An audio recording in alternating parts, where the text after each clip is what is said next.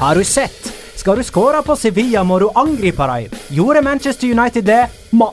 Gjorde Atletico Madrid det? Ja. Det samme gjorde Spartak Moskva, Eibar, Real Betis, Real Madrid, og alle skåra de fem mål på Sevilla. Og hei, er det vanskeligere å få gullkort enn å skåre hat trick i La Liga? Ja, mener Luis Suárez. La liga loca. En litt gærnere fotball. Dette er vår ordinære episode nummer 25 med meg, Magnar Kvalvik. Hei. Og du, Jonas Giæver. Hei. Hallo. Og deg, Petter Wæland. Hallo! Hei. Jeg har ikke spurt på ei stund, Jonas. Hvordan går det med tennene dine? Du har vel spurt om det her hver eneste Nei, jeg gjorde ikke det sist gang. okay. Og heller ikke da vi var i Kjøben. Nei, det gjorde du ikke. Så det er en stund. Hvordan går det med tunga, er vel egentlig det viktigste. Har du fått følelse i tunga? Litt mer. Litt mer følelse i høyresiden av, av tunga. Eh, jeg kan lage den lyden her uten at det gjør vondt. Det gjorde det før. Så- Hvis du ikke har følelse i tunga, så skal det ikke gjøre vondt. Nei, men på andre siden. Det gjør enda mer vondt på andre siden. Altså, Eh, du hadde veldig følelse Ja, faktisk. Veldig følelse. Oversensitiv på ene sida og Null følelse på den andre siden. Så nå, så nå er det liksom litt uh, jevna ut. Har du lest noe om Marco Ascencio har mista følelsen i tunga si, eller hadde han en ordentlig tannlege?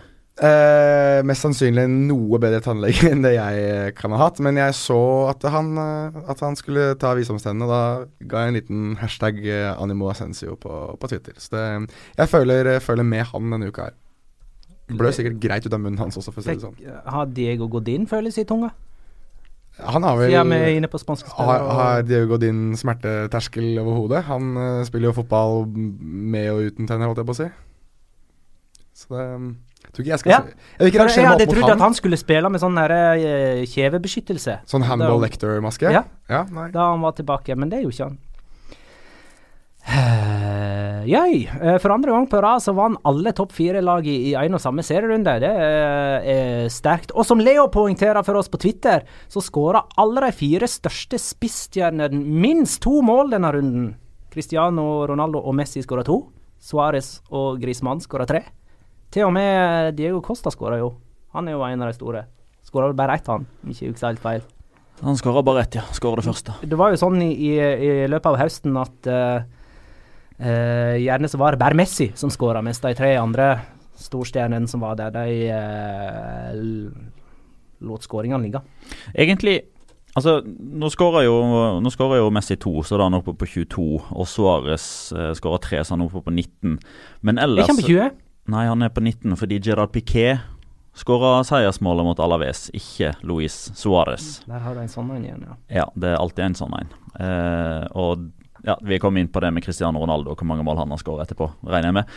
Eh, men eh, etter 25 serierunder, da, så altså Antoine Griezmann eksempelvis har jo ikke nådd uh, tosifra ennå, vel? Eh, men det har Jo, han har tida nå. Ja, han skåra sin tiende, ja. Det var nummer ti. Ja. Da gjorde han eh, det først i serierunde nummer 25. Cristiano Ronaldo gjorde vel det i serierunde nummer 23. Eh, Så det er liksom det, det er mange som har De ligger typ langt bak skjema på det de vanligvis har, mens William José, Gerard Moreno, Angel Rodriguez, Jago Aspas, Maxi Gomez, Simone Sasa, Christian Stuani til og med, har jo passert dette her eh, for, for ganske lenge siden nå. Grismann er 11 for øvrig. Ja, for han runda ti med sin andre skåring, da. Det er straffemålet. Ja, det må være det, da. Ja. 9, 10 og 11 da mot eh, Sevilla. Ja, for jeg, han, eh, jeg så eh, statistisk da, at han kom opp på tosifra antall skåringer. Santimina òg er på tosifra nå. og har gjort det i alle sine Atletico Madrid-sesonger. Um, jeg har lyst til at vi skal begynne med Sevilla Atletico eh, Madrid. Jeg. ja. Det var jo storkampen. Um, Spennende litt med Sevilla. Det er greit nok at det er tabber. Uh, det er vel tre stykker av dem. Mm. Uh, men det, Sevilla virker jo fullstendig paralyserte av å bli pressa høyt. Uh, dette kan jo Montella umulig ha forberedt dem på. Altså både òg. Uh, Altså, altså, til og med altså, jo, men- Banega bli, uh, står med ballen på egen 16-meter og aner ikke at han har folk i ryggen. Nei, men jeg tror ikke det har noen forberedelse. Det er nok bare der i, i nuet. At han ikke orienterer seg godt nok. Han Men det går jo igjen i hele kampen. Uh, og jeg mener, de laget som har skåra fem mål på, på Sevilla, det er jo lag som, som tør å stå høyt. Det er sånne som Real Betis, det er Eibar, Real Madrid. Manchester United gjorde det ikke, så det fikk de jo fredelig spille seg ut. Jo, men jeg, jeg tror Jo, jo, men jeg, jeg, jeg, tror ikke vi skal legge det på Altså, Det er ikke Montella sin feil at Banega ikke klarer å se seg til høyre. Jo, det er men ikke nå- Montella sin feil at Gabriel Mercado lukker igjen øynene og håper på det beste når han spiller ballen tilbake til keeper. Tror du Jorge Sampaoli koste seg med, med det laget der, eller med, med den kampen der? Han ser to av sine landslagsspillere eh, gi vekk sånne mål. Jeg bare tenker at de kan ikke være godt nok forberedt på det. Jeg Altså, tenk- Hvis Eve Banega ikke ser seg rundt, så har ikke, da har ikke han blitt alarmert. Verken før eller under kampen. Jeg syns egentlig det er mer Sergio Rico sin feil. Hva kelker han ikke den bare langt opp, da? Altså, Nei, men der skal det, det, det er litt det samme som altså, her, her kan vi godt være uenige. Vi kan godt ta, Ja. ta en diskusjon på det. Men Chelsea-Barcelona, eksempelvis. Mm. Der registrerer jeg at de aller fleste mener at det er vår danske venn som er skyld i den skåringa, fordi han slår pasninger på tvers innover. Jeg syns ikke det. Den skåringa er enten Fabregas eller Atblicueta sin. Fordi det er de som ikke gjør jobben når ballen blir slått inn der. Og nå er det liksom sånn at i, i den moderne fotballen nå det å spille en ball på tvers altså Vi husker Drillo fikk jo eh, ståpels av negativ grunn hver eneste gang ballen ble spilt på tvers. Det tilhører den gamle skolen. Det tilhører ikke lenger det som er den internasjonale fotballen nå, der flere og flere lag spiller med tre mann bak, setter i gang kort, ønsker kortpasningsspill, og der man betrakter det litt sånn Selvfølgelig litt sånn flåsete sagt med sånn type steinalderfotball, men bare kelka langt. Sånn gjør man det ikke, i hvert fall ikke i Spania. Så det å være kritisk til at Sergio Rico setter i gang kort, helt uenig. Nei, jeg, Det skal han gjøre, og der skal Ever Banega løse situasjonen annerledes. ja, nei, jeg bare anser det at uh, i den situasjonen der så står Atletico Madrid med to spillere veldig veldig høyt i banen. De ønsker åpenbart Tre, å presse Tre spillere høyt i banen, faktisk. ja De ønsker å presse høyt, og det er forståelig, det, men jeg bare tenker når du ser at Ever Banega står kanskje, kanskje han burde se seg til høyre før han ber om ball, eller eh, Han skal se seg til begge sider. Ja, han ser seg jo til venstre. Problemet er at han ikke ser seg til høyre, og det er der Diego Costa kommer fra. Det er der bilen kommer og kjører over. Ja. Ja, ikke sant? Nei, Vikeplikt. Ja, nettopp. Nei, men jeg, jeg, jeg, jeg kjøper den, men jeg bare tenker at i den situasjonen der, så Hvis du ikke er sikker, hvilket han tydeligvis ikke er, så spill den ballen langt. Det er altså fotball 101, egentlig. Ja, men da er det jo i så tilfelle er Banega som har klenka den ballen langt på første touch, ikke Sergio Rico. Sergio, Sergio Rico slår jo en kort pasning til Ever Banega, som ikke har noen i umiddelbar press på seg. Presset kommer etter at Banega først bruker det første touchet. Og den vurderinga som Sergio Rico tar, er jo ok, skal jeg enten sende en femmeterspasning til Eva Banega, i utgangspunktet en av de beste med ball i verden, eller skal jeg slå den langt mot Godin Jimenez i hodeduell mot Luis Moriel? Nei, jeg sier ikke jeg, Altså, jeg, jeg bare sier få den så langt vekk fra eget mål som overhodet mulig. Det er innimellom hvor lag rett og slett bare må gi vekk ballen fordi de får ikke spilt seg ut, eller de får ikke, får ikke startet et etablert angrep, eller etablere pasningsspill. Det er eh, helt vanlig. Altså, dette, er, dette her er Ja, er Banega seanser som skjer i, som skjer i fotballen. Ja, muligens. Men jeg bare tenker at når han står sånn i blindsone der, da, og jeg ikke ser verken til høyre eller til venstre, så mener jeg at på sett og vis så har keeperne et visst ansvar. Ikke ene og alene. Jeg sitter ikke og sier at det her er bare Sergio Rico. Det er nok mer Ever Banega. Men akkurat der føler jeg at han kanskje burde hjelpe Banega litt. grann. Slå den langt, og så forsvarer dere. Men jeg mener det er noe overordna feil når dette skjer tre ganger i løpet av en gang. Det er jeg helt enig Eh, med Og de blir straffa alle tre gangene. Og Sevilla har sluppet inn fem mål i fem kamper denne sesongen. Tre av de under Montella, og han har sittet i tre måneder. To. Det er ikke det engang. Ja, siden ble ikke han hyra i desember. Eller kanskje til og med var Jo, men- det var jo, over jo, jo, jul men typ at, første eh, kampen var jo i begynnelsen ja, nemlig, for det var 2018. jo juleferie. Ja. Han fikk jo eh, vite det med kreftsykdommen på julaften, Beritzo, at han var ferdig. En italiener, altså, med baklengs fem ganger i tre kamper. jeg, jeg satt og tenkte på det. Han liksom kommer fra Serie A og er ikke vant til at man blir pressa høyt i Serie A, eller hvordan er det? Det, det blir jo det det, det, Ja jo, da, de blir jo det. De blir jo det. det er ikke noe nytt, uh, det der. Uh, Sabilution spør oss hvordan er situasjonen til Ben Yedder i Sevilla. Bare for å ta eh, et siste punkt om Sevilla før vi går videre. For Nei, nå Ben- er han jo soleklart andrevalg, da. Ja, bak Moriel, liksom. Ja, det, det var jo så som som jeg sa her sist, altså Montella eh, gjorde det ikke sikkert på den måten, da, men han, han ser jo på spillerstallen og sier ja, ok, de tre der har spilt i Serie A, klippekort. Og bryr sånn. seg ikke om hvordan eh, de andre sånn. andre spillerne i de posisjonene har gjort det. Altså Du har Luis Moriel som har skåra sju mål gjennom hele sesongen, hvis han beneder har skåra 17. Eh, Ben spilte null minutter mot Manchester United. eh, Luis Moriel brenner den desidert største sjansen i kampen. Det gjør han i denne kampen her mot Atletico Madrid òg, etter tre minutter. Mhm. Nei, jeg syns ikke det er bra at uh, Ben Yedder får så begrensa med spilletid som han får under Montella. Nei, ikke sant. Og det er bare noe Det virker som det er noe han har bestemt seg for. Ja, Så, det blir Louis Moriel òg i den neste store, viktige kampen, på Old Trafford f.eks. De gjør nok det, ja. Mest sannsynlig. Selv om du eh, Du poengterte jo veldig fint i introen din da at uh, Manchester United er jo ikke så villig til å angripe, så det kan jo være at Jo, men de eh, må jo være det de på Old Trafford. Og de må nå ha sett det. Til og med Mourinho må jo se av og til La Liga. og liksom ta, hente litt inspirasjon og se hva Atletico Madrid gjør. Det ble sagt med et glimt i øyet, altså, tro meg. Men uh, at uh, Louis Moriel ikke klarer å sette den headingen Det er David De Gea, det er greit nok, det. Det er en vanvittig redning, og det er ekstremt imponerende, men Skal jo header, heade ned. ja, header du alle andre veier der, så går nok den i mål, head nesten. balls down and you will score. Petter 316 der, altså. Nei. jeg, er ganske sikker på at uh, Sevilla kommer til å skåre på Old Trafford. Mm. Han blir vel 5-1, da. Det jeg husker jeg, var i ja, 13-14-sesongen, da Atletico kom til sin første Champions League-finale? Da møtte de jo Chelsea i semifinale. Mm. Det var mot Mourinho. 0-0 hjemme. 0-0 på Vicente Calderón. Eh, Chelsea lå bakpå fordi at de skulle bare holde nullen på Vicente Calderón.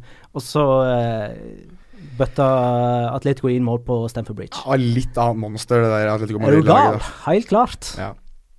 Men likevel, jeg bare skjønner ikke hvorfor han går for den taktikken igjen. Nei, Han mener vel at han skal vinne alle kamper på hjemmebane. At det er uh, odds on favorite på hjemmebane. Stemmer det? Jeg sto og snakka om publikum og sånt etter kampen. Old Trafford-publikummet skulle hjelpe dem.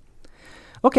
uh, Antoine Griezmann involvert i fire skåringer for første gang i sin uh, La Liga-karriere.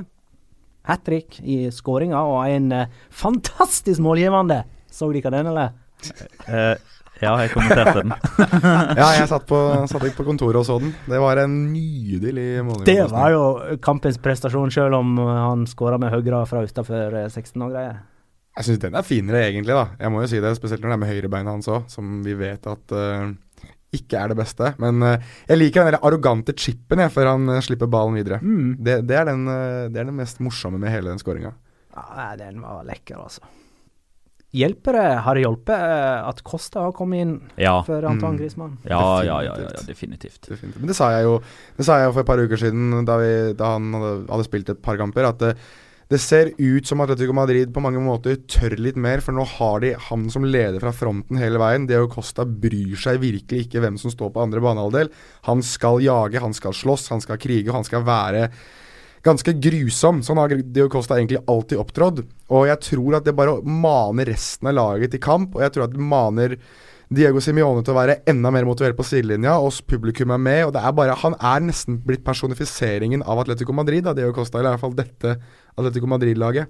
Så ja, definitivt. Og Antoine Griezmann har jo aldri hatt mer rom og mer plass på banen enn det han har nå, og det ser vi jo at han, han eh, drar nytte av. Og det var jo noe av det vi sa gjennom hele høsten òg. Mm. At ja, men kom gjennom den høsten her, dere Atletico Madrid, uten for høy avstand opp. Så kommer Diego Costa, og han har jo kommet inn fra start av. Og så Mm. snakker vi òg om Vitolo, han har ikke kommet helt ennå. Men han kommer. Da han kom da han kom innpå mot Sevilla, satt du litt på tærne og bare håpet at den ene sjansen han skulle gå i mål på etter, bare for å se reaksjonen på Ramón Sánchez Det hadde vært litt moro fra, et, eh, fra en kommentators eh, ståsted Ja, det det å få en sånn type snakkissekvens. Ja, absolutt. Jeg, jeg valgte jo helt bevisst å bare være helt stille når Vitolo løp innpå. Ja, det skjønner jeg det gjorde. Men eh, Fernando Torres, da, spilte han noe eh, særlig bra? Altså, han spilte ikke i det hele tatt. Eh, men eh, skal han til Kina, er det det som er greia? Det er to dager Han skal ikke. fra i dag til det kinesiske overgangsmarkedet stenger, og Torres skal ikke til Kina. Nei, men det skal to andre. Carasco og Gaitan. Gaitan. Og hva er greia med Kina, må jeg nesten spørre, for nå er det mange kinesiske spanjoler rundt omkring. Kinesiske spanjoler. Eh, inkluderer det Cedric Bakambu? Ja, Er han en kinesisk, eh, kongolesisk spanjol, da? Når, når han forlater La Liga som en, eh, en profil, så kaller man han spanjol. Ja, Cedric Bakambu eh, var jo den eh, største overgangen i januarvinduet ut. Eh, Reals toppskårer som dro, dro til Beijing. Jonathan Viera eh, blitt eh, strippa fra Las Palmas, eller omvendt. Las Palmas har blitt strippa fra Jonathan Viera. For eh, det er ikke alltid like lett å få tak på disse overgangssummene, for det er så mye forskjellig som, eh, som, eh, som eh, sirkulerer rundt om. De kinesiske klubbene er veldig opptatt av å få konfidensialitet inn i avtalene. At det ikke skal kommuniseres ut. Man kjenner jo til det kinesiske skattesystemet, og i hvert fall det som er pålagt det spanske Jeg kjenner klubbene. godt til det kinesiske skattesystemet. Det var derfor jeg presiserte innenfor fotballen, Magnar Magna. Fordi som et ledd i å styrke fotballen på generelt grunnlag i, i Kina, så har jo myndighetene i Kina pålagt alle fotballklubber å legge på 100% skatt eh, til, på alle overgangssummer som legges inn i en sånn felles pott som skal brukes på å eksempelvis bygge baner og ungdomsakademier og utvikle trenere og sånne type ting. Så um, Bakambu ga vel Villarreal ca. 38, men da dobbelt utgift for denne kinesiske klubben. Jonathan Viera, der er det snakk om en 5-26 millioner euro. Og så spekuleres det nå i rundt 70 for Carasco og 18 for Gaitan. Uh, så det er klart, vi blir jo tre-fire profiler fattigere, men de spanske klubbene blir jo ditto rikere og kan reinvestere disse i nye spillere eller ungdomsakademi og sånne type ting. Men eh, Jolla Hawkbane, eller Jolla Hawkbane, eh, påpeker jo i eh, Apropos disse Atletico-spillerne som går til kino, at det er en, eh, en eh, Wanda Group-link her. Eh, Wanda Group som altså er et kinesisk konglomerat. Vil si et multiindustrifirma som er satt sammen av diverse firmaer innenfor ulike bransjer som kinobransje, eiendomsbransje. Det, det er et gigantisk konglomerat. Eh, som jo har interesser i Atletico Madrid, og som eh, ser interesser i fotballspillerne deres òg, åpenbart. Ja, nå, eh, nå er det jo sånn at eh, altså Wanda Vi kjenner jo navnet fra stadion til Mhm. Atletico Madrid, som jo offisielt heter Wanda Metropolitano. Fansen deres vil gjerne at vi titulerer det som bare Metropolitano, eller El Metropolitano. Eh, og det er jo pga. at da Wanda Group har kjøpt stadionrettighetene, altså navnet til å ha eller rettighetene til å ha navnet på stadion. De har òg vært ganske tungt inne som, eh, som aksjeeier i Atletico Madrid. Det har de vært i noen år nå. Eh, Men bare for et par uker siden var det vel, så, så kom det jo en uh, kommuniké på Atletico Madrids hjemmeside om at Wanda hadde solgt 17 av 20 eh, prosent av aksjene som de hadde. Og da tenkte man jo ikke noe nødvendigvis veldig mye mer på det, eh, fordi Det er jo nesten som å selge seg ut av ja, klubben, det er det. Eh, og nå skal jeg, eh, siden det medbrukte latter forrige gang jeg var i ferd med å resonnere meg fram til noe, så skal jeg ikke si at jeg har kontroll på den kinesiske økonomien generelt, men jeg har registrert at det spekuleres i at kinesiske myndigheter da òg skal ha, om ikke bestemt, men iallfall oppfordra en del kinesiske firmaer til å trekke seg ut av sånne type avtaler som man har i eh, eksempelvis i Spania og i andre europeiske land. Uh, og så tenkte man ikke noe særlig mer på det, men så begynte jo ryktene om, uh, om både Carasco og Gaitan og Torres. Og i begynnelsen så sto det liksom ikke hva kinesisk klubb som var interessert. Det var liksom bare Kina skal kjøpe. Eh, En kinesisk klubb skal kjøpe. Det kommer kinesiske penger inn. Men så viser det seg jo at det er Dalian Yifang, er det det de heter, Jonas? Stemmer det. som eh, nettopp har blitt kjøpt opp av nettopp Wanda. Og der er jo linken. Hvem er han? Og derav Wanda. Altså Wanda Group. Ja. Ja. Har kjøpt opp denne kinesiske klubben, som nå Eh, har kjøpt klubben, ja. to spanske Ja. Det er ikke kjøpt uh, spilleren Dalian Yifang. Nei, nei. Uh, Dalian Yifang er altså den kinesiske klubben som Jannik De har kjøpt opp den klubben, uh, og så nå, nå skal de styrke den klubben med Atletico Madrid-spillere. Så på mange måter så reinvesterer de penger i Atletico Madrid, da. Ja, for de veit vet jo fra Og styrker styrke sin egen Ja, klubb. men de vet jo fra innsida, f.eks. direkte til Diego Simione, at uh, Atletico er ikke interessert i å liksom spare noe særlig lenge på Carasco. Mm. Uh, Torres eh, Nå går ikke han, da, men de har jo på en måte innsideinformasjonen, da. Til Ja. å liksom ta disse spillerne uten konkurranse, egentlig, og bare smekke på de pengene som Atletico ber om. Ja, men trenger man innsideinfo for å vite at Gaitan er ferdig i Atletico, at tålmodigheten til Simione med Carasco har vært litt tynnslitt? Legger man opp Nei, på men bordet, så hadde man solgt det uansett hvem det var. Jo, det, det kan godt hende, men eh, det, det kan jo òg være at uh, Nå spekulerer jeg at uh, Atletico bare venta med å selge disse spillerne her og, og lot all interesse fra andre klubber bare ligge, for de visste at disse kineserne kom til å kjøpe dem Det kan hende. Det kan hende. Det har sikkert vært noen diskusjoner rundt dette, men jeg synes det er litt spekulativt at det skjer såpass kjapt etter at de selger seg ut. da. Det er vel det som er litt merkelig, synes jeg. For det, det virker som de har de, fordi de har solgt uh, Nå mens dere har uh, pratet, så jeg holdt meg litt stille med vilje, for jeg har prøvd å sjekke ut hvem det er som har kjøpt disse aksjene.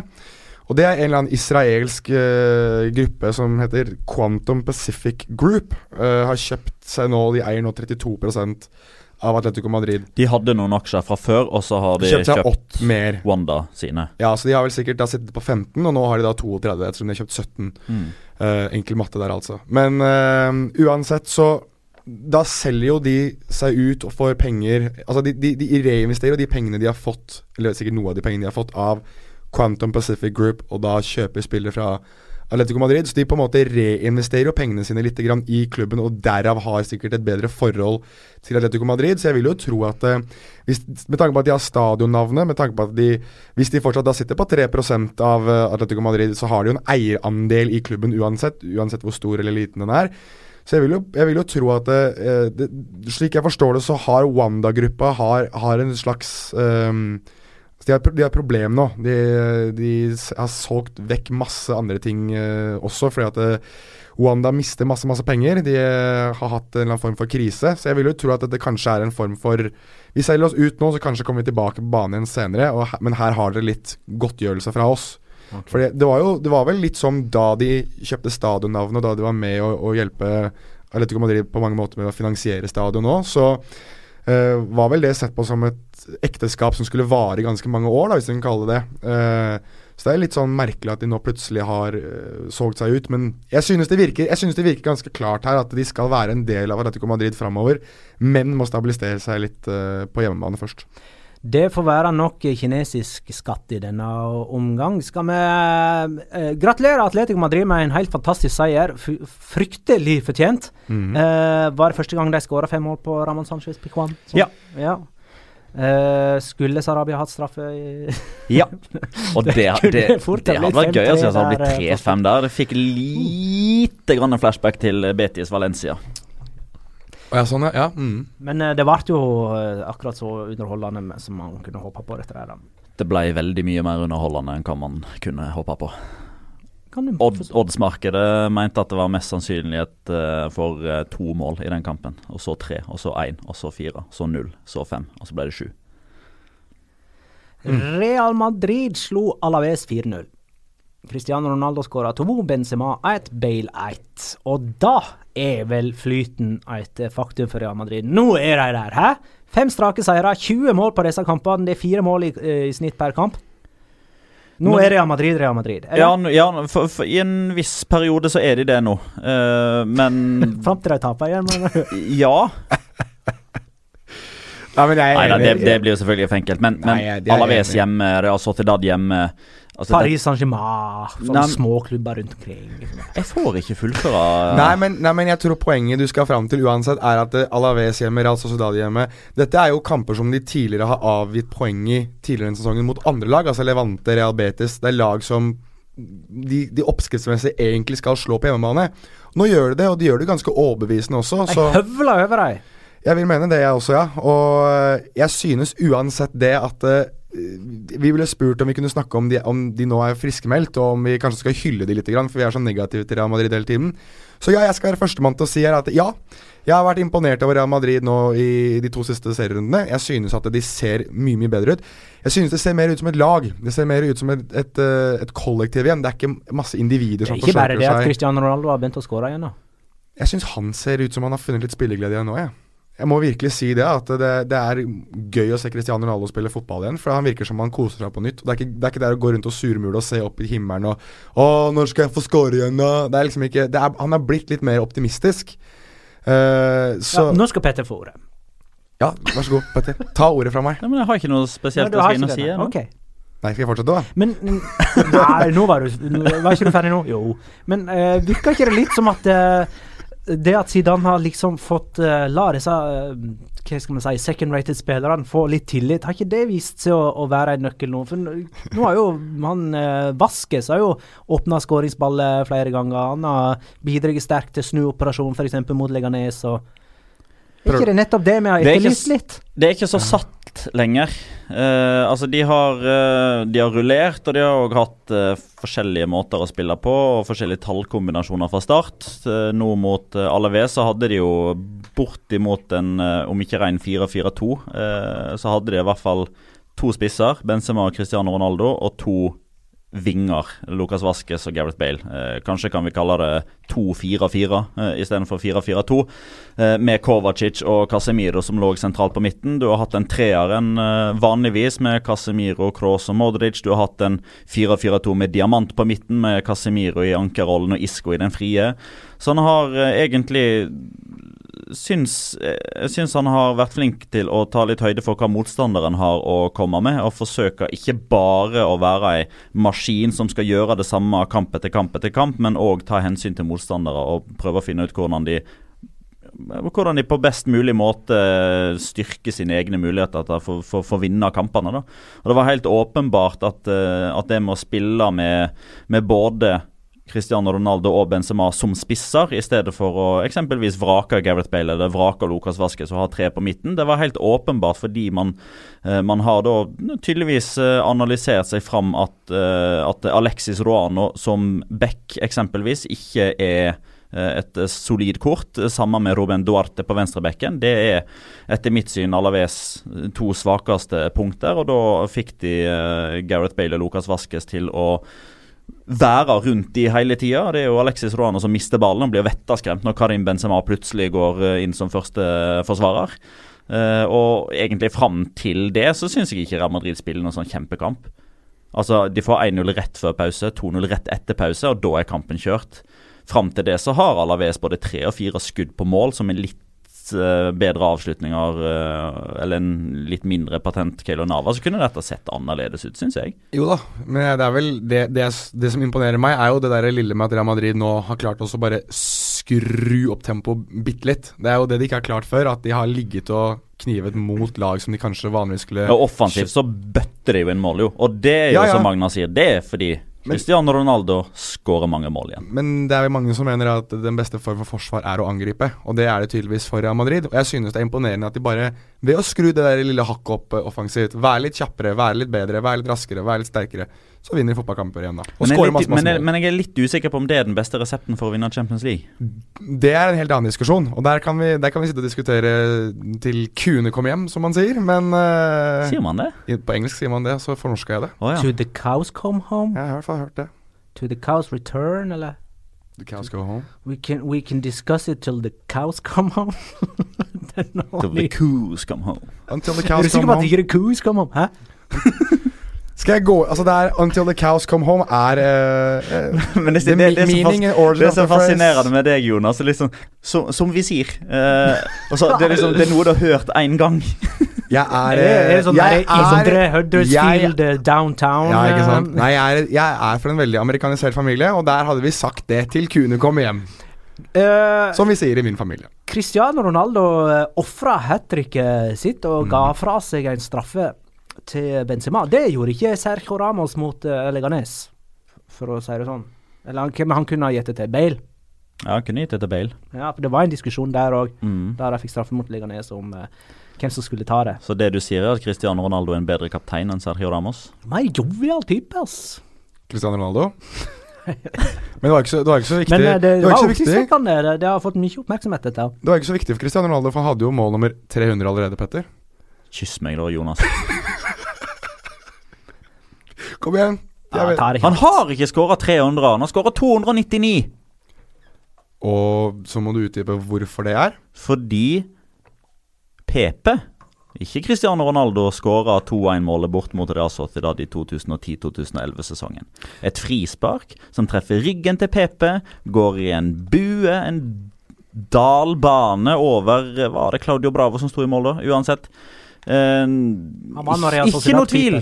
På samme måte som at det er Gerard Piquet og ikke Luis Suárez som, eh, som skårer målet for Barcelona mot Alaves. Men det er dette her som er problemet, når man da ikke har én offisiell instans som bare viser midtfingeren til alle og sier at 'dette har vi bestemt, sånn blir det'. Altså, Marca kjører sin egen greie, og de pusher jo på de store stjernene fordi det er det som gir eh, klikk. Real Madrid kjører jo selvfølgelig på at Cristiano Ronaldo skåra det og det målet når han egentlig ikke gjorde det. Barcelona gjør akkurat det samme med Lionel Messi, når det liksom var han som skåra 3-0 borte mot Mallorca i 2011-2012. Det var Alexis Sanchez sin skåring. Men der må noen forholde seg nøytrale, og der har vi eksempelvis da Mr. Chip og, Pedro, og Pedrito Numeros og La Liga direkte, som alle fører kriterier, samme om han heter Juan Cala, Lionel Messi, Karim Benzema eller Johan Gudmundursdottir. Kriteriene er det samme. Ja. De følger Fifa-reglementet, er ikke det? Ja. Ikke som er Men, Hvem sin scoring. Men, men Kri- Cristiano nei, Ronaldo sier jo selv at han har 300, jo. Ja, OK. Ja, Det, det spiller ikke noen rolle hva han sier. jeg bare synes det er gøy Er, at er det mer troverdig enn hva Marka sier? Sånn det, klart, klart, det er definisjonsspørsmål. klart Cristiano Ronaldo vil påta seg den skåringen eh, som egentlig Ja, Pepe skulle ha. Jeg bare syns det er gøy, Ertepetter.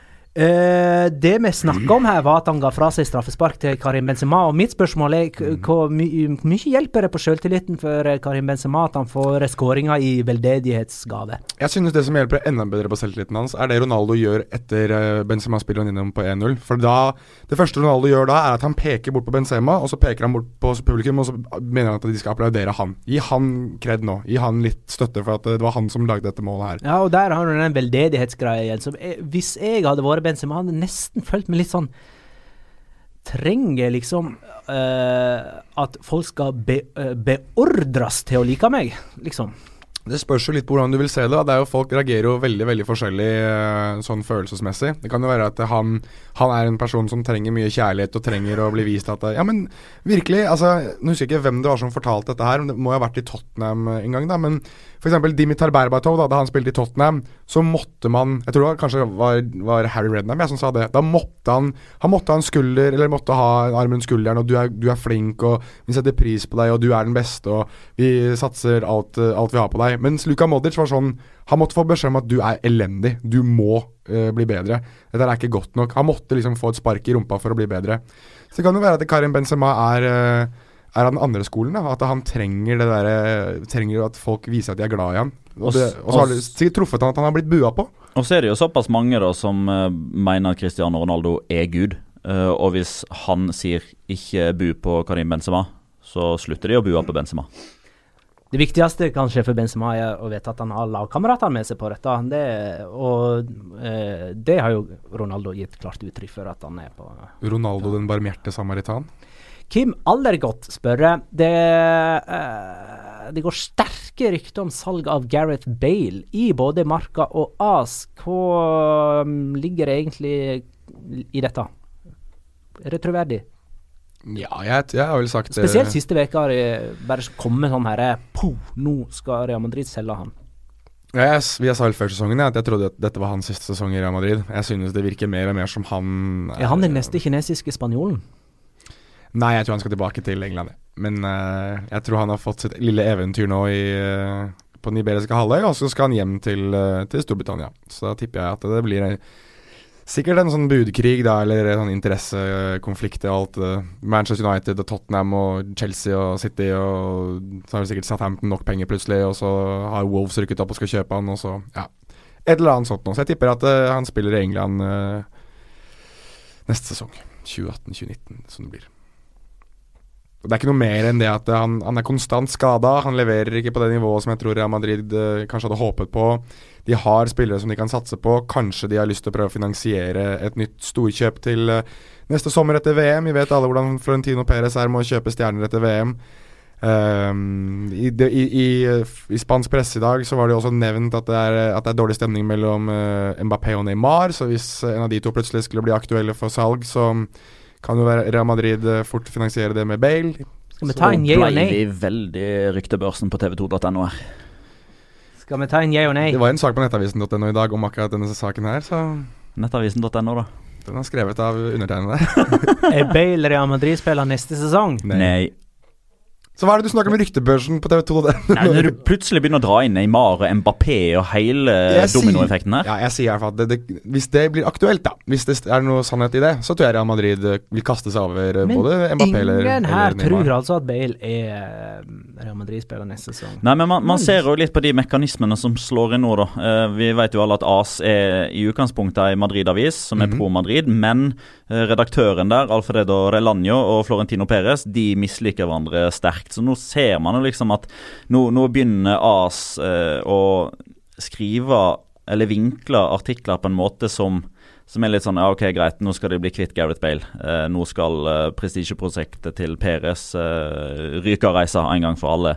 Og det gjør de på en litt sånn kamuflert måte. Eh, og Det kan godt hende at jeg overtolker og tar feil, men i dag så lagde de en artikkel der de eh, skulle forklare sine lesere hvor mange spillere i La Liga som ikke snakker spansk.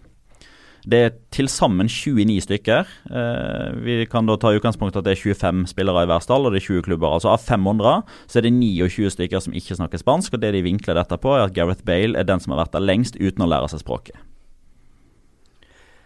Det er runde av eh, den eh, sekvensen eh, der. Hva vet vi om Neymar-skaden? Han ble skada, han trakk over mot eh, Marseille Uh, i seieren der, og uh, måtte ut på båra med tårer i øynene. Skal visstnok ikke være skal, ikke være seriøst, var det siste jeg leste i dag. Det er sånn type eh, Forstrekka noe muskler i ankelleddet. Type sånn forstuing. Sånn som eh, Ja. jeg har annenhver uke når jeg spiller fotball. Ja, jeg Og du spiller jo fotball altså, annenhver uke, da, så det betyr at Neymar skal være sånn mer Så, eller mindre men klar igjen. Men, skal vi se, da er det, det er tirsdag, ikke sant, at eh, det er returoppgjør? Ja. Mm. Så det er åtte dager til det, eh, fra når vi sitter i studio. ja. Ni dager fra smellen kom, da. Ja. Eh, men de siste rapportene sier at han er klar.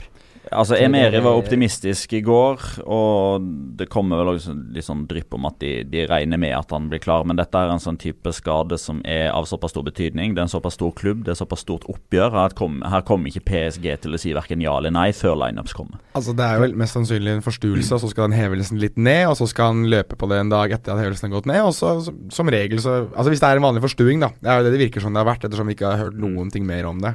Men det er jo smerteterskelen som avgjør her, da. Eh, de neste kampene Real Madrid har altså vunnet fire seriekamper på rad, og de neste fire er Español borte, Getafe hjemme, Eibar borte og Girona hjemme. Begynner Og en plass i, midt inni der eh, kommer altså Paris Saint-Germain. Eh, vi skal snart nå snakke om eh, Barcelona-Girona 6-1. En fin overgang der, syns jeg, å ta spørsmålet til Arve Grøsvik, som spør per 26. februar. Hvem av Real Madrid og Barcelona er best forberedt på livet etter Cristiano Ronaldo, skråstrek Lionel Messi? Jeg syns Altså, det er jo egentlig et spørsmål som krever litt sånn analyserende svar. Der bør man jo egentlig få presentert det en time eller to før, eh, kjære programleder. Men min uh, umiddelbare tanke er jo at Real Madrid har forberedt seg hakket bedre på et liv etter uh, Cristiano Ronaldo, men at vi ser at Barcelona begynner å gjøre det samme. Uh, Real Madrid, med tanke på sine, lang, altså sine langsiktige overganger, med som i sin tid starta med Isco og Iaramendi, selv om sistnevnte ikke fungerte. Ascencio, eh, Vallejo og eh, Theo Hernandez, Dani Ceballos eh, og dette her. I tillegg så vet man jo at eh, de nå i løpet av de siste fire overgangsvinduene ikke har henta ei stor stjerne, men det kommer de antageligvis til å gjøre enten nå eller senest neste sommer, eh, som et ledd i å erstatte Cristiano Ronaldo. Barcelona har begynt med det nå i, i det siste, eh, for de hadde på mange måter ikke det behovet som meldte seg for Real Madrid, fordi de hadde såpass mange spanske eller katalanske spillere fra egne rekker. Men nå har de blitt enten såpass gamle at de har lagt opp, Xavi eller Iniesta, som snart eh, legger opp. Eh, Victor Valdez har lagt opp. Piquet begynner å dra på årene. Den gylne generasjonen der. Pedro ble solgt, eh, Cesc Fabregas ble solgt. Og så har ikke det kommet noe etter det.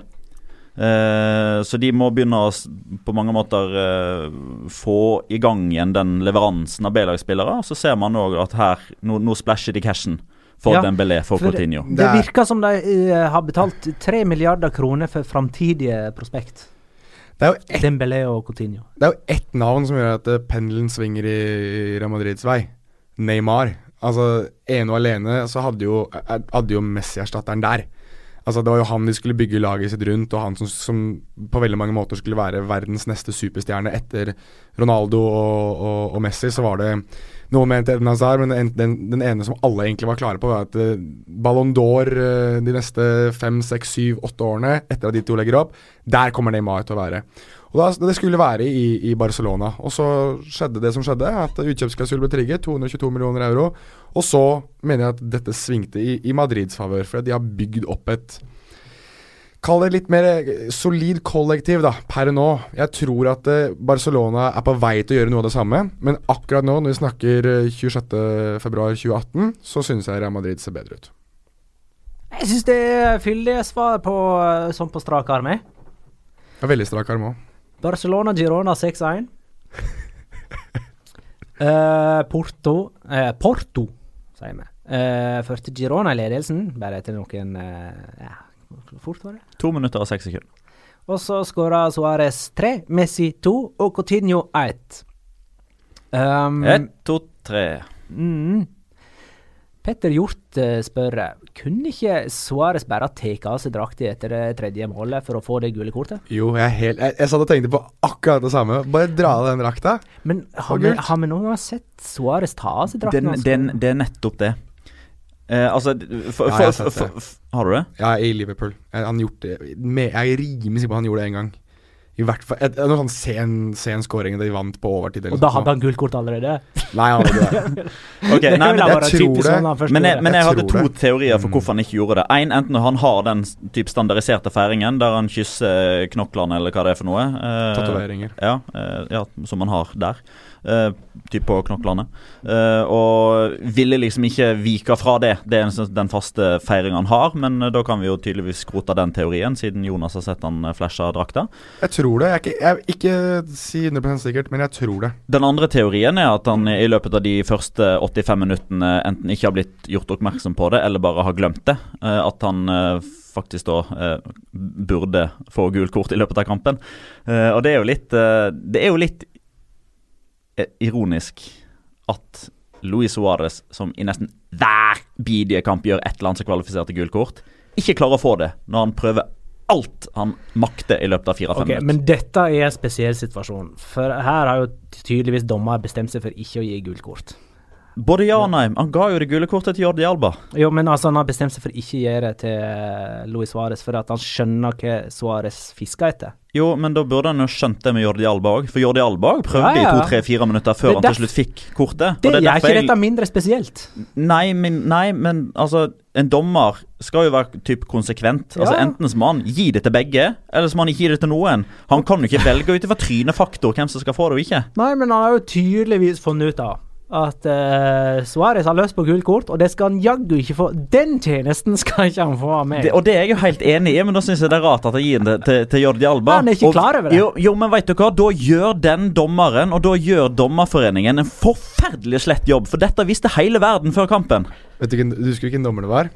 Albero La Rojas, og... med biceps like store som målskårerappetitten til Cristiano Ronaldo. Elsker Gi bare røde kort, da. Elsker Albero La Rojas. Jeg elsker han. Han er 26 år gammel. Han er like gammel Og så nekter han å gi Louis Suárez et gult kort. Jeg elsker han. Altså, jeg, jeg, altså det, det, er mange som ikke ja. forstår denne greia. Ja, la, ja, men la meg forklare det. Fordi, eh, Suárez er så hypp på å få gult kort. Ja. Luis Suárez og Jordi Alba hadde fire gule kort til nå denne sesongen. Neste kamp, som altså nå blir spilt nå på torsdag, er borte mot Las Palmas. Og så kommer hjemmekampen mot Atletico Madrid. Mm. Poenget her er at man ønsker å ha Luis Suárez og Jordi Alba 100% karantenefri til den uh, Atletico Madrid-kampen.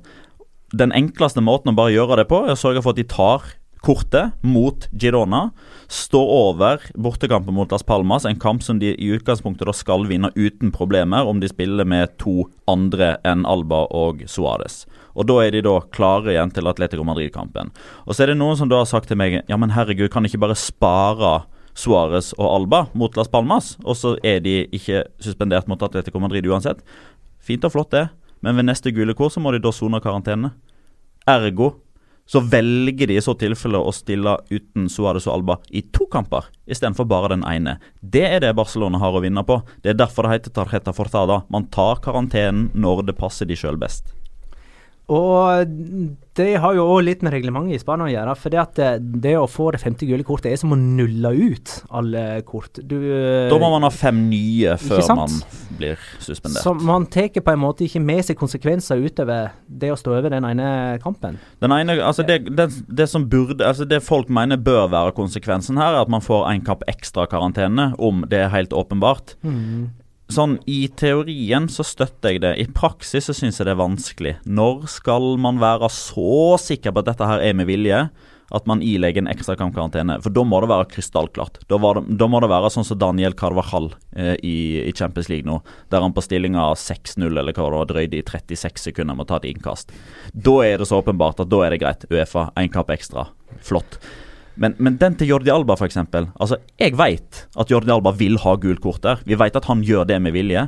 Men han stopper en overgang.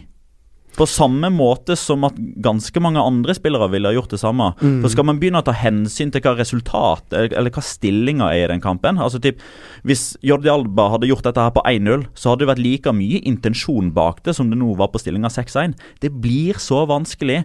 Og da kommer man igjen inn i sånne situasjoner der eh, en appellkomité eller en dommerkomité velger i det ene tilfellet å gi en ekstra kamp, mens i et annet tilfelle så gjør de ikke det. Og da kommer det konspirasjonsteorier om at ja, men de som sitter der er tidligere medlemmer i den og den klubben og sånne type ting. Altså, det går ikke. Hva var det morsomste, det morsomste forsøket til Luis Suárez? Var det det at han eh, sprang eh, dypt ned i banen for å ta et innkast på omtrent midtbanestreken? Nei, jeg syns det morsomste var når han forgjeves prøvde å holde tak i ikke drakta, men foten og skoen til Douglas Louise et halvt sekund etter at han prøvde å bokse ballen som en volleyballspiller eh, 30 meter fra eget mål. Jeg, eh, jeg syns det var morsom, men jeg holder en liten knapp på det mislykkede forsøket på å blokkere en corner. Ja, det var gøy. Hvor, eh, hvor ofte er det eller når du ser en spiller prøve å blokkere en corner, eh, og i tillegg bommer på blokkeringen sin? Så det var eh, Skulle likt å ha sånn Benny Hill-musikk til det lille Men altså, stuntet men altså det er jo Altså En ting er jo greit at vi, vi syns det er litt sånn kult at Albert Ola Rojas ikke blir med på leken og ikke gir det gule kortet, Ja. men herregud, så dårlige forsøk på å få et gult kort. Så altså- åpenbare forsøk, Ja, jeg. ja, men så åpen Altså For å ta kastet, da, som Magnar er inne på. Altså Da står han jo sånn typ 10-12 sekunder og ser, ser bare dum ut. Men han, blir, han ser jo enda dummere ut når han da til slutt tar kastet. Altså, står det til du får det gule kortet, da? Det morsomme var han brukte veldig lang tid, men du ser bare Albert Rojas bare sånn Ja, men kast, du. Kast, du. Jeg, vet, jeg skjønner, jeg skjønner Kampen er snart ferdig. bare kast, du. Det jeg syns var litt morsomt med den uttalingen av tid, var at Suárez antagelig trodde at uh, dommer skulle tenke å nei, nå frarøver du Girona muligheten til å redusere på stillingen 6-1, liksom. Og de eh, har så dårlig tid på seg. Og så var det òg litt morsomt når han eh, var oppe med den kort-gesten etter den aller siste, når han først dytter og så tar livtak rundt Pablo Mafeo. og dommer blåser frispark, og så står Luis Suárez sånn med et sånn imaginært gult kort. Det er typ Skal du ikke gi meg gult? ja, sånn det, Man pleier å be om andre eh, Ja, ja. motstandere skal få gullkort på den måten, men eh, her ba han, om det til seg sjøl.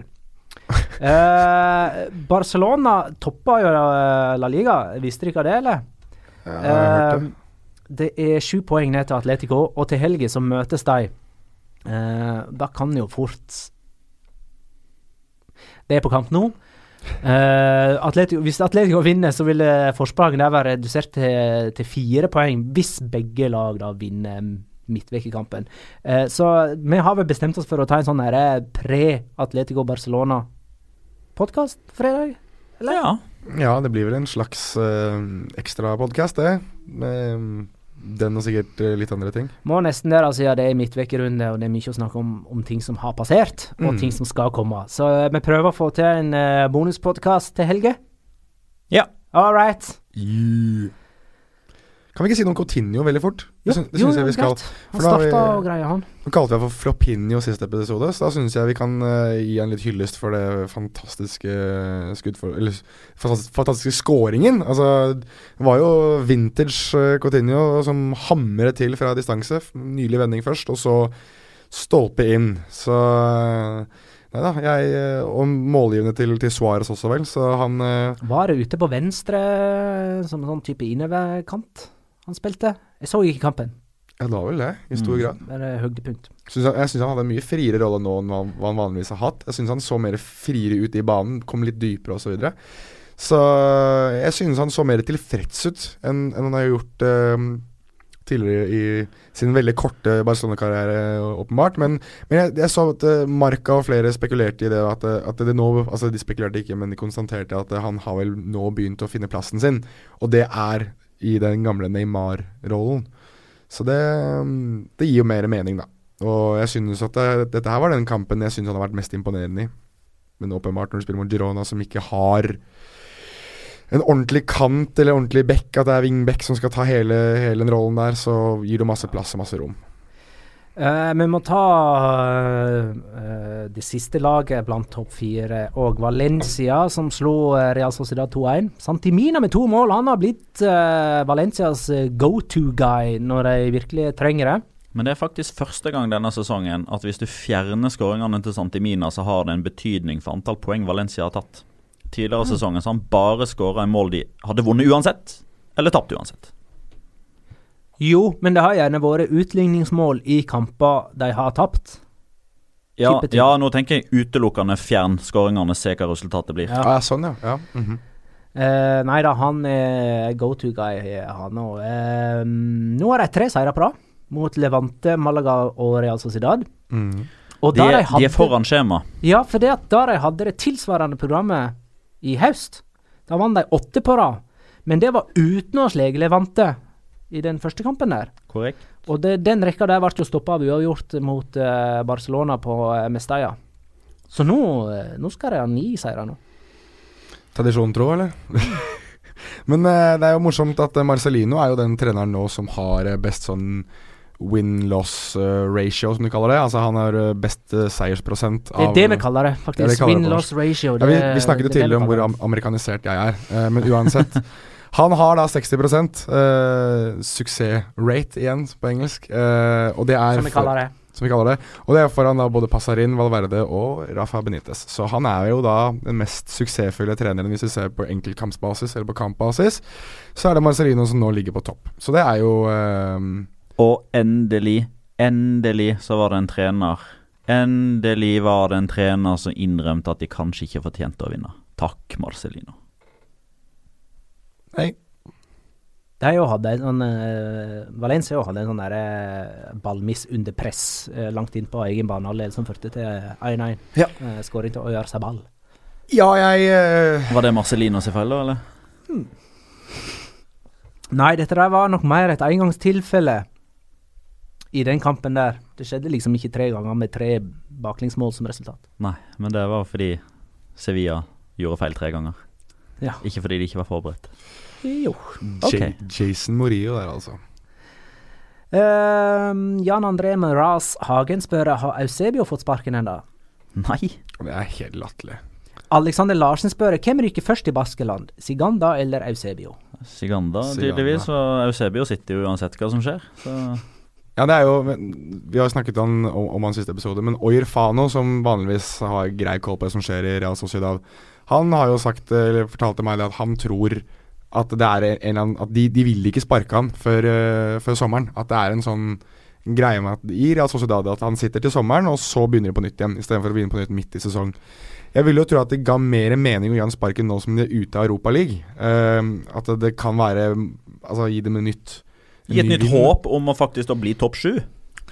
For det er ikke så langt opp. Det er ikke helt kjørt, men de klarer jo ikke det med Eusebio. Nei, men jeg synes Og ja, jeg er helt enig med deg i det, men jeg, jeg har aldri sett et lag, eh, tror jeg, ha så mye potensial og så mye eh, godt spillemateriale, men at det blir forvaltet så dårlig. Eh, det er et lag som jeg mener eh, oppriktig talt skal ligge et sted mellom fire og syv i La Liga. Det, så gode er Real Sociedad på papiret. Og Hvis jeg regner med at jeg hadde Inigo Martinez fra starten av sesongen også, så syns jeg det bare uthever det poenget enda mer. De har den keeperen i La Liga som har høyest potensial, mener jeg fortsatt. Geronimo Roli, selv om vi snakker Snakker, snakker han ned hver eneste episode, men med, med rette. De, hadde, de har den kanskje den mest lovende høyrebekken i verdensfotballen. De hadde den neste spanske forsvarslederen. De har en av beste Eller en av de mest beste kontrollerende midtbanespillerne i, i Aramendi i La Liga. en av verdens mest lovende playmakere i Oyarzabal. De har en målskårer i William Jose. De har nesten alt som skal til for å ligge helt der oppe og knive om, om europaplasser. Men så har de da tilsynelatende en relativt evneveik trener. Eh, som ikke får forvaltet dette på noen som helst måte. Får sjanse på sjanse på sjanse. De slipper inn mål etter mål etter mål. Og det er, altså Jeg har gått gjennom det her hele tiden. Jeg skal ikke gi dere statistikken igjen, for det gidder jeg rett og slett ikke. Men de har sluppet inn 47. De har skåret 47. Det er altfor dårlig. Og så er det en keepertabbe i hver eneste kamp. Ja. Det, er, det er helt forbløffende. De spiller helt uten selvtillit, de keeperne. Nå var det vel Tonjo. Det var det. Eh, det må være frustrerende både for utespillere og keepere, det der. Skal vi se Ja, Valencia møter jo det andre basketlaget, de. Det laget han andre skal få sparken. Ja, onsdag. Borte mot Atletic. Uh, mens Real Sociedad møter Real Betis borte. Er det vår tippekamp, eller? Ja, det må det være, for den er vanskeligst å treffe på. Den er vanskelig å treffe på. Det ble jo 4-4 den første. Eh, altså da på Anueta. 8-8 den gangen da. Eh, men eh, før det, skal vi, skal vi ta litt sånn type uh, Amrabat? Eller skal vi la han få ligge? Jeg syns han skal få lov til å ligge den. uh, Ja, han bomma alene med keeper. La han ligge. Det, vi lar han ligge. Gidder ikke. Da går vi gjennom runden. La oss. Matheo? Yes, riktig. Oi! Um, Det var bra, skal vi begynne med Villarreal Getafe? Mamma spørre. Altså, Villarreal vant 1-0. Enes Onal, uh, matchvinner. Mhm. Han har vokst på meg. Uh, liker han. Mamma spørre, hvis det er sånn man skal uttale det. Rettssaken til Semedo. Eh, hvordan påvirker det klubben, Uh, det vil si altså Villarreal? Fortell litt om Semedo da, Petter. Ja. ehm, eh, gangsteren, som det kanskje blir laga Netflix-dokumentar om. Herregud, for ei såpe. For, for et brød. Men i- ifølge Portugal på Twitter, så har ikke han noen historie. Han som jo har fortid i, eh, Han kom jo fra Sporting. i portugisisk fotball uten Vendel. Nei, og lovende type, og mange var jo liksom kjempefornøyd med at man klarte å eh, hente seg med da foran Newcastle, blant annet, som også var veldig interesserte, og Southampton og, og et par andre klubber. Og man så liksom for seg at eh, ja, dette, dette kan bli veldig bra. Her er den nye sjefen i Forsvaret, men eh, så var det vel i var vel allerede i september at, eh, at han ble skada. Pådro seg en, en skade som eh, holdt han ute av spill i en tre-fire måneder. Og i løpet av den eh, tida der så er, altså, Jeg veit ikke dette, men det er jo helt åpenbart for meg at eh, Semedo har blitt eh, stasjonert i Villarreal. Ikke i Castellón eh, eller i Valencia, for i Villarreal er det drita kjedelig. Så her har han kjeda seg mens han ikke har kunnet gått på trening på vanlig måte eller spilt kamper. Og enten invitert eh, noen eh, litt for dårlige kompiser fra Portugal, eller blitt kjent med feil folk, eller blitt dratt inn i et miljø som man ikke burde. For nå i løpet av de siste tre månedene så har da altså Semedo vært i politiets søkelys tre ganger. Den første gangen så var det vel for trusler mot en ansatt på et diskotek, eh, der han bl.a. hadde trua med kniv og sagt at han, eh, skulle komme tilbake inn hit hvis ikke han uh, skjerpa seg eller hvis han gjorde noe dumt igjen. Den andre gangen så uh, oppfatta det som at han, han følte han, han hadde blitt mast på av en som utga seg da for å være Viareal-supporter, eller ikke utga seg for å være det. Han var Viareal-supporter, kjente igjen Semedo og ville ha uh, type autograf eller et bilde eller noe sånt. Semedo hadde blitt såpass irritert at først hadde han bare sagt nei, eh, slutt, gå bort, kom deg eh, det, nei, slutt. Eh, og så hadde han plutselig ombestemt, meg, eller ombestemt seg og invitert han med til bilen sin, eh, for der hadde han visstnok ei drakt, så han skulle få ei signert drakt eh, i stedet for en selfie og sånn type ting. Tatt han med til bilen, banka han opp og kjørt derifra. Og det siste nå da, som gjør at han nå sitter i fengsel eh, Han har ikke fått eh, akseptert sitt ønske om å kunne bli kausjonert ut. Han, han sitter i fengsel nå, eh, sånn som jeg har forstått det. Eh, så er det han og en eller to andre som har kidnappa en person. Ja, det den her jeg har hørt. Bundet han fast. Eh, Sjikanert han, slått han, sparka han, tatt husnøklene. Og om de brøt seg inn i huset hans, eller om de bare hadde tenkt å gjøre det, det er jeg litt usikker på. Eh, men dette altså det, det, det er sånne ting som man gjør hvis man liksom ikke har eh, noe håp ellers i livet, og man ser seg nødt til å tjene pengene sine på uærlig vis og, og sånne type ting. Man gjør jo ikke det når man får så mye penger for å gjøre det man helt åpenbart er mest interessert i utgangspunktet, nemlig å spille fotball. Men er ikke han siktet for drapsforsøk? Er det ikke det som uh, har vært den siktelsen som ble tatt ut? Mot han. Jeg mener at jeg har lest, et eller annet sted at han uh, Altså, delitos de om homicidio en grado de tentativa, lesiones amenazas, detención ilegal, tenencia ilicita de armas y robocon violencia. Ja, det er jo i hvert fall ran og Det er ran og våre. ja, Våpen. eh, altså De, de ransaka jo eh, leiligheten til Semedo. Der fant de en kniv. Ja. Eh, antageligvis den kniven som han da hadde brukt ved den første situasjonen som vi snakka om, der han trua denne dørvakten eller den ansatte på dette diskoteket i Ja. Valencia. Eh, jeg tror ikke det går så langt at, det- at det blir drapsforsøk, uh, uten at jeg er noe krimjournalist. Uh, Er han ferdig via Real, eller? ja, ja, ja, ja, ja. De har kommet med to off, eh, off, sånne offentlige kommunikés. Eh, den første var at de tar fullstendig avstand fra det Ruben Semedo er anklaget for å ha gjort, og at de åpner en egen personalsak, eh, sånn som er standardprosedyre.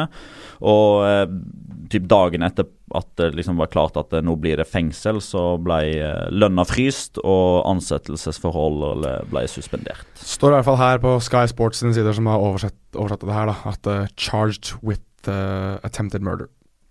Så da, Jeg tror det var første du le leste Ok, ja. Ok, Eh, da får vi la Semedo ligge i denne eh, omgang. Eh, Martin eh, påpeker at eh, med remis som straffetaker, så hadde Getafe vunnet denne kampen. For de bomma altså på to straffespark. Angel og eh, Molina. Han skulle jo ta det andre òg! Hvem? Nei, han Jo! skulle ikke ta det. Jo, han han ville ta det. Ja, han skulle ta det. Men altså, altså, problemet for Remi her er jo at uh, Angel tar det første. Fordi altså, Jorge Molina er straffetaker Ja. i Retafa. Ja, han er kommer inn til pause. Så Ja, at han tar det andre som han òg uh, framprovoserer sjøl, det syns jeg liksom er helt greit. Ja, men. Angel tar den første, det er vel det som er Men, men den får jo han fordi han, han er jo i så god form. Han har skåra ti mål nå, sånn, og ja, pluss på får nummer elleve. Men det er jo egentlig Det straffesparket der er jo egentlig ganske bra. Det første straffesparket. Det er bedre enn. Molina sitt. Ja, men all er, det er ikke ofte du ser uh, keeper etter to straffespark i samme kamp. Sergio Asenjo. Det er uh, tommel opp. Altså, det er eh, For en keeper som har slitt vanvittig med skader i karrieren sin, så er det nydelig å se en, eh, en sånn opptur og en sånn prestasjon. Så selv om jeg er fly forbanna eh, over at eh, Remi ikke paddet på statsen, som vi sier i Norge, selvfølgelig, eh, og fikk den sjette skåringen i, Hvorfor bor du i Norge, egentlig? nå gjør jeg det bare for å irritere deg. Men uansett, så er jeg er forbanna pga. det. Men jeg ble litt glad for at det er uh, Asenjo som reddet eh, straffene. Så eh, greit, du skal få den av meg. Deportivo Español 0-0. Her skal dere få en matteoppgave av meg. Oi. Hvis du tar antall mål Barcelona har skåra i La Liga denne sesongen, og ganger det med antall mål Deportivo har skåra under Klaren Cedorf, hva får du da? Ja, Det blir vel null, det, da. Riktig. Ja, nei, men øy, Sølvi Montari kom inn og spilte åtte minutter, og om ikke han han så jo god ut! Sulimontar. Han så god ut. Åh, jeg skal ikke le av Ja, nei, men nå syns jeg bare synd i Deportivo, for nå er de alt. Nå har de altså gått seg vill i skogen. Sulimontar han var god i 2010, han. Ja, spennende. Celta Vigo Eibar 2-0. Men vi må jo s- si da at det er jo helt utrolig at de ikke vinner den kampen. her. To Ja, det er sant. stangskudd Ja, og da. brent straffe. Enda åh, Det var en ny sånn runde med straffebombonanza, dette her. Ja, det var vel fire? Det var en i Atletic-kampen òg, ikke det? Kepa redda jo straffe. Ja, Kepa. Kepa redda ett, og Diego Lopez redda ett, og Sergio Centro redda to. Mm. Celta Vigo, Eibar 2-0. Iago Aspas og Maxi Gomez uh, skåra. Eibar hadde jo bare ett tap på ti seriekamper, før de nå står med to strake nederlag. Dette var jo en viktig kamp i, uh, i uh, kampen om europaligaplass. Mhm. Begge ligger nå på 35 poeng på 7. og 8. plass. Kan bli forbigått av Rehabetis i løpet av denne kvelden der vi sitter i studio. De spiller borte mot Levante klokka 21. Kan jeg få Tror vi Rehabetis har gått forbi? Ja, tror jeg. Nei. Jeg tror ikke det gjelder. Altså. Nei. Jeg tror det. Kan jeg, kan jeg få gjøre en yeah eller nei? For jeg syns de er morsomme. Ja. Maxi Gomez. Er, er han uh, årets øh, kjøp? Nå er det jo så langt. Jeg Jeg? Et av dem. Nei, jeg bare synes at Jeg er bare så mektig imponert av hvor god han har vært og fortsetter å være. Value for money. Hvor mye man har fått igjen for investeringer. Ja, ja. Ja da. Eh, Hvor mange mål har han nå? Det, han er iallfall gått opp på sofa. 13, er det det? Høyeste av, det, de, av de to du har sett. Altså 14. 14. Aspas har 16 og Maxi Gomez har 14. Og ja, han har 14 fordi Fordi Betis Celta 0-1 er skåring av Maxi Gomez. Det er ikke et sjølmål av Victor Camarasa. Ja, sånn, ja. Ja. Leganes, Las Palmas 0-0. Las Palmas fremdeles under streken. Og hvis Levante skulle slå Real Betis nå i kveld, så vil det være fire poeng opp til trygg grunn. Er er ikke det riktig? Det er et poeng akkurat nå, ja. 2019, det er 18 og 13. Atletic Malaga 2-1. En Nesiri eh, førte Malaga i ledelsen. Societa utligna, San José snudde det. En Nesiri skåra, bomma på straffe og fikk rødt kort. Hva har du å si om uh... Ja, jeg må jo nesten få flytte hatet mitt, jeg da. Men det er fortsatt en, fortsatt en marokkaner i Malaga som klarer å irritere meg, selvfølgelig. Uh, det er alltid en marokkaner i Malaga som skal irritere meg, men eh, Nei, det, det jeg biter meg fast i hver gang jeg ser Malaga nå, dette er kun din feil, Petter. De taper faktisk bare med ett mål, de. Ja, de gjør det. De taper jo 2-1 og 1-0 og 3-2 og det er liksom det er, De taper aldri uh, med store sifre. Det er din feil, Petter. Det er din feil, Petter. Det er du som har, uh, har jinxet uh, Malaga. Men ja, Nei, jeg skal ikke si så veldig mye. Nå har jeg gitt meg selv fri fra, fra Amrabat, da gir jeg meg selv fri fra NSYRI også. Ukens La Liga Locura. Locura. Locura. Locura. La Liga Locura. Ja, er det noen som har lyst til å begynne? Jeg kan starte, jeg. Jeg øh, synes vi skal Eller jeg synes jeg skal ta den, den, øh, den situasjonen som er merkeligst hele denne, denne runden her. Ehm, fordi uh, hvordan uh, Bautista ikke Nei! klarer å score Det var min. Ja, jeg hadde en følelse Det var derfor jeg sa at jeg ville gå først, for jeg tenkte at noen andre hadde den. Men altså, du kan jo bli med meg på den da, Petter. Fordi det er jo helt latterlig uh, hvordan han Hvem er det som slår frisparket først? Sergio Canales. Sergio Canales. Nei, Ramendi. Canales. Ramendi. Det var Canales. Ok, da. Med Kan- venstrefoten. I hvert fall Det er en, det er en re veldig god redning av, av Neto først, som slår ballen ut inn i feltet. Der skal egentlig eh, Bautista bare banke den ballen i mål og utligning til 2-2. Og dette er da i det 88. minutt, eh, mener jeg å huske. Og Neto som da står sånn halvveis sidestilt inne i eget mål, klarer på en eller annen merkelig måte. Og jeg tror rett og slett det bare er en reaksjon, enkelt og greit. For han For han sitter ball på kne med ryggen mot ballen, Ja. og så snur han seg mot ballen og ser den kommer mot han. Ja, han er, han er sånn halvveis på vei opp. Ja, og i den grad han løfter albuen sin der, så er det for at han skvetter. Ja, jeg tror at det er at han ser at det kommer noe kjapt mot meg. Her må jeg bare opp med en arm. Og det er da høyrearmen hans som eh, Og ballen treffer albuen og spretter ut. Så hvis Bautista skyter hvor som helst annet i det målet der, så står det 2-2. Og egentlig så skal det jo fortsatt stå 2-2, fordi det er jo bare en sånn freak-situasjon, igjen som vi sier på godt norsk, Petter, at den eh, ballen ikke går i, i, i eget mål for Neto. Så nei, jeg eh, Jeg kom fram til at eh, et eh, mål eh, er sånn 18 kvadratmeter. Det er sånn sju, drøyt 7 meter langt, Okay. 2,5 meter høyt. Ja, Det blir 18 kvadratmeter, og Neto utgjør toppen en halv kvadratmeter inni det målet der. Nettopp. Så han har eh, veldig mye mer å skyte på for å skåre mål og for å gi Real Sociedad et veldig sårt tiltrengt poeng. Men det klarer han da ikke, så Årets teiteste redning. Ja. Eller mest heldig redning, kanskje. Men den, den første han hadde, var jo ganske fin. da. Det var den. Den var veldig fin. Mm. Hadde ikke tatt deres lokora nå? Nei, jeg får ta noe annet, da. Sa han surt. Nei, men vi, vi tar uh, dette eh, minuttet til Diego Costa, da. Ja, Uh, som eh, det to. oppdaterer hele, eh, hele fyren, egentlig. Der han eh, først eh, lager frispark. Han, eh, altså Først så dytta han jo Gabriel Mercado over ende, og så kom stoppermakkeren hans, altså Clement Lenglet, inn og hjelper til. Skjærer inn foran. Eh, Diego Costa forsøker da å eh, dytter han over ende med framsida av hofta. Clement Lenglet går ned, og når han reiser seg opp, så kommer han bort til Diego Costa. Diego Costa tar sats og hopper bakover og holder seg til hodet før han treffer bakken. Eh, Da tror jeg faktisk han får litt vondt i hodet, fordi han treffer faktisk gresset med hodet først. Forsøker da å framprovosere et kort, eh, type rødt, på Clement Langley. Får kun det gule kortet sjøl for det han sjøl gjør først. Mm. Står og skjønner absolutt ingenting. Og så er det det med Diego Costa som Som eh, liksom det er så typisk han, og det definerer han egentlig som fotballspiller. Fordi når alle andre da blir litt sånn satt ut av det greiene hans, så trekker han seg litt unna. Da er han ferdig med den situasjonen. Da er tankene hans over på noe helt annet.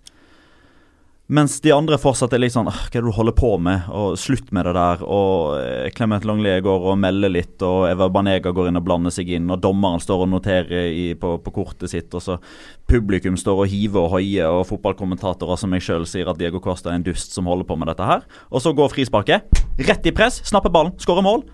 Og feirer som en gærning mot Sevilla-fansen. Det er Diego Costa sekund for sekund i ett minutt.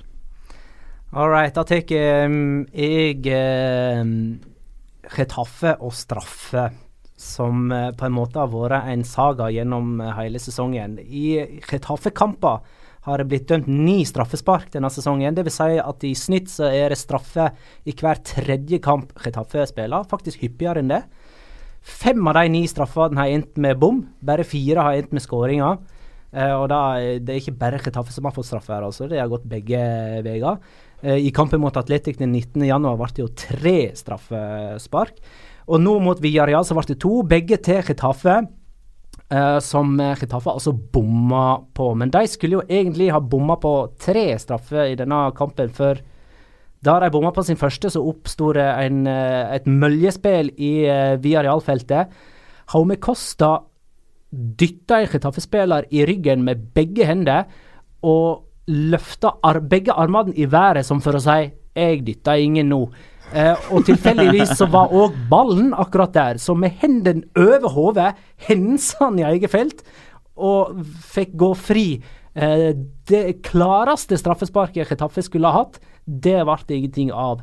Og det summerer opp hele straffebonanzaen til Chetaffe denne sesongen.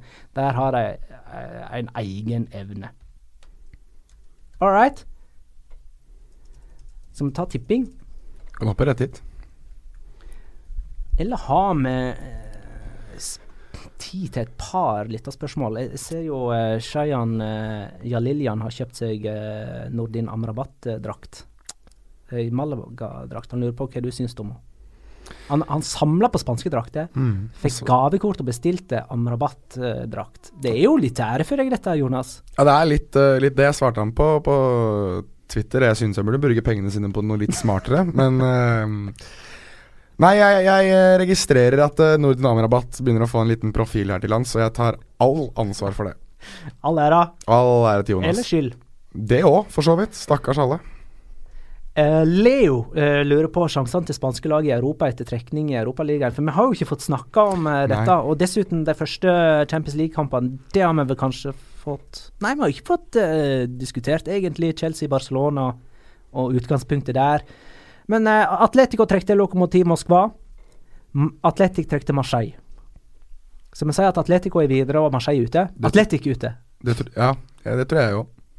Jeg tror Marseille. Ja, det er i alle fall mer klart at Atletico går videre enn at Atletic ryker, tror jeg. Fordi nå har de en voldsom eh, erfaring og ballast i Europa League. Jeg tror de på mange måter kaster La Liga når Europaligaen begynner å dra seg til, i motsetning til Marseille, som har litt å kjempe for i liga. Litt på samme måte som Napoli, som vi vinner på, uten at jeg har like god kjennskap til hvor brei og hvor stor konkurranse det er om alle plassene på alle posisjonene i Marseille. Men i Napoli eksempelvis så, så kaster jo de avansementet på båten mot eh, Leipzig for å stå bedre rysta til å ta eh, gullet i Serie A.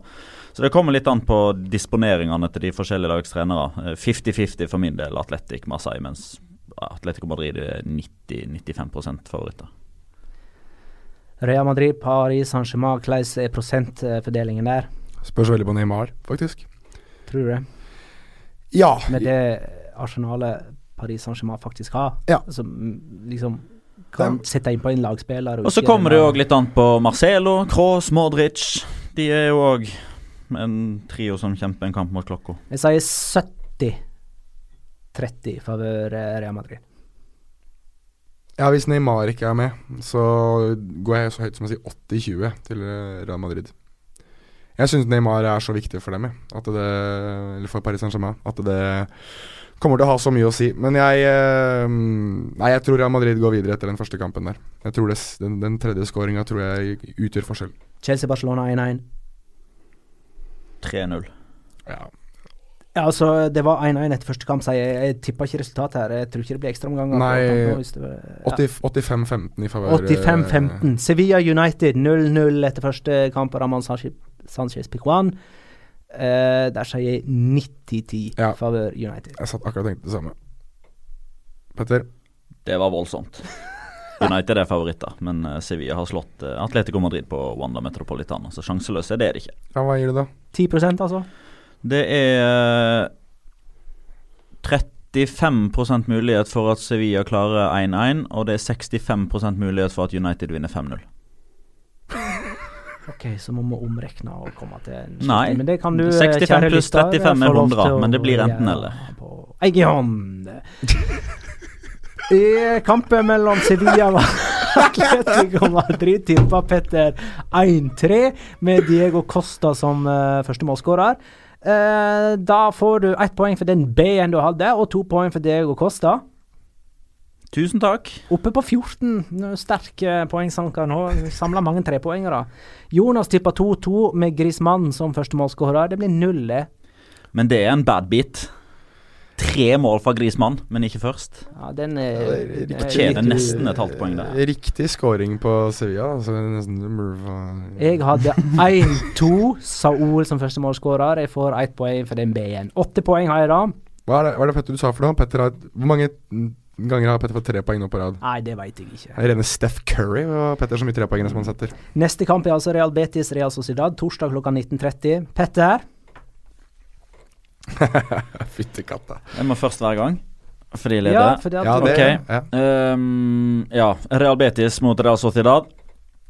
Um, den kampen en Herregud. Den 100, 100. en uh, 2-1. Og den som skårer det første målet, det er Christian Teio. Jeg sier 3-1 Loren Moron. Eh, med mindre han har karantene som jeg ikke vet om, eller har blitt skada i løpet av det siste Ja, han, sp han spiller jo kamp nå i kveld, det er umulig for så oss å for vite. pokker! Jonas. Ja, står det på Loren Moron? Ja, det gjør jeg. Ja, det, ja, jeg bare lurte. Uh, ja, herre fred. Um, 3-0. Alle tippa hjemmeseier. Det var jo egentlig uh... Og førstemålsskåring ble kanskje da, eller? Ja, ja, ja. Ja. Ja, 3-0, og så sier jeg, sier jeg eh, Moron, jeg ja, òg. Men nå, men nå Ok, jeg trodde liksom jeg skulle skille meg litt ute nå, da. Med å bare tippe tre mål i den kampen her. Altså, det blir jo åtte-ni mål, har vi sagt tidligere. Dette var skuffende. Men Husk nå nå må at jeg, jeg jinxer, jeg, vet du, så nå blir det masse mål. Nå må vi runde av. Tusen takk for at du lytta, kjære lytter. Er det noe du har lyst til å ta kjapt, eh, Jonas? Det er samme som jeg tar hver gang. det vet du Følg oss på sosiale medier. Eh, Facebook og Twitter. Der heter vi eh, La Liga Loca Pod. At La Liga Loca Pod på Twitter, som sagt. Gå inn i iTunes, gi oss en vurdering, skriv en liten kommentar. Det hjelper oss veldig med å vokse og bli større. Og bli, vi får sånn eh, Petter viser meg hele tiden at vi blir, kommer høyere opp på listene, på sånne topplister på, i iTunes. Så gjør gjerne det. Eh, hva var det jeg mangler nå? Jo, creativemidfielder.co.uk. Der har vi herlige T-skjorter som eh, Det er fire ulike. Du scroller helt ned på sida, finner La. Der eh, velger du én, du velger alle, du kjøper alle, du tar på deg alle, og du sender bilde til oss. Tusen takk for at du lytta, og sender oss spørsmål og innspill, kjære lytter. Ha det, da.